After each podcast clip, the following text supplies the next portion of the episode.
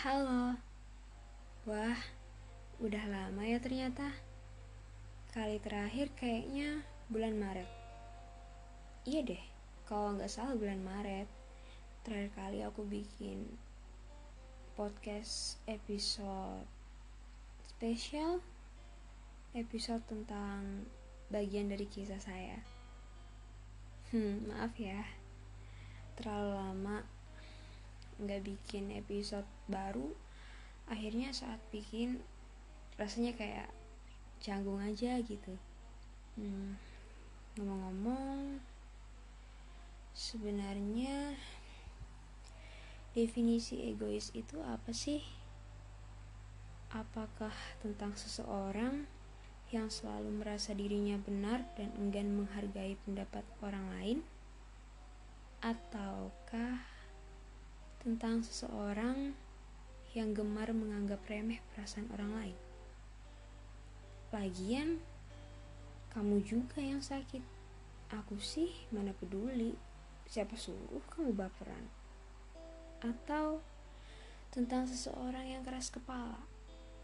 Keras kepala untuk menyakiti diri sendiri tanpa menghiraukan nasihat orang-orang yang menyayanginya. Ya, kayaknya semuanya benar deh. Tapi ada satu perihal lagi yang mungkin masuk ke dalam kategori egois, yaitu tentang seseorang yang terlalu antusias pada perasaannya seseorang yang menahan kepergian orang yang disayanginya. Seseorang yang memaksa sosok yang disayanginya untuk tetap tinggal, tetap ada di sisinya, padahal orang itu sudah lelah bersamanya. Kenapa harus mengemis? Coba jelasin. Kenapa harus mengemis rasa sayang? Kenapa harus memaksakan sesuatu yang sudah jelas akhirnya? Apakah karena rasa sayang yang takut? Takut tidak terbiasa dengan perpisahan? Ataukah karena terlalu membutuhkan sampai-sampai nggak rela dia pergi?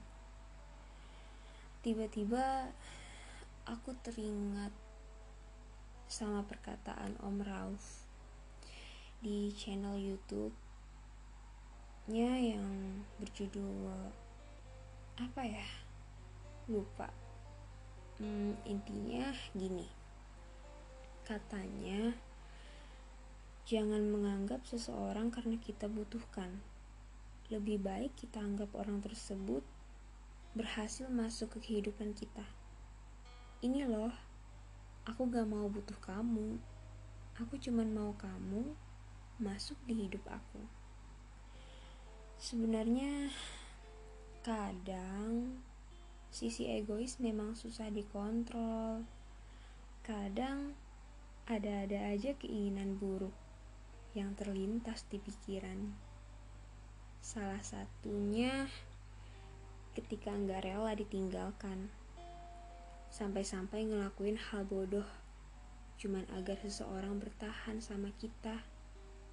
Padahal ya, nggak ada bedanya dengan dia tetap tinggal atau lanjut pergi.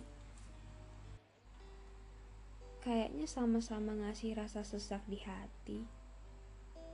Bakalan sesak banget kalau kita masih payah mengontrol perasaan. Jangan sampai deh perasaan yang ngatur-ngatur kita. Kita butuh menghargai diri sendiri. Tapi maaf, iya pasti nggak segampang itu. Pasti berat rasanya. Cuman, seenggaknya aku ngasih kepedulian buat hati yang tersayat karena rasa sayang yang nyatanya nggak sesuai sama yang diinginin. Ada satu fase di mana semuanya terasa hambar dan membosankan. yaitu saat kita terus-terusan berharap pada sesuatu yang jelas-jelas sudah nggak ngasih ruang lagi, nggak ngasih ruang buat kita ada di sana. Sesuatu yang menutup rapat kehadiran kita karena sudah nggak bisa lagi diperbaiki. Cuman ya gimana ya? Semembosankan apa pun, ada banyak orang yang terlanjur nyaman sama sifat keras kepalanya. Mau dinikmatin gimana pun. Yang namanya rasa sakit ya tetap sakit. Sekalipun kita bilang, hehe gak apa-apa kok. Aku nyaman sama ini. Ya ampun. Ribet ya. Sebegitu rumitnya masalah perasaan. Sampai-sampai kadang kayaknya ketemu sama jalan buntu. Terus kita malah diam, gak mau muter balik, gak mau cari tempat lain. Alasannya simple. Aku cuma mau di sini. Kalaupun dia terus melangkah dan gak mau balik, ya udah nggak apa-apa.